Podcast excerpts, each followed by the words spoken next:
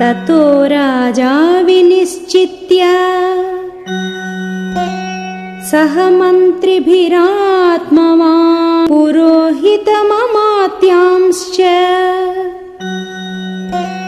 ततः प्रेष्यति सत्कृतान्।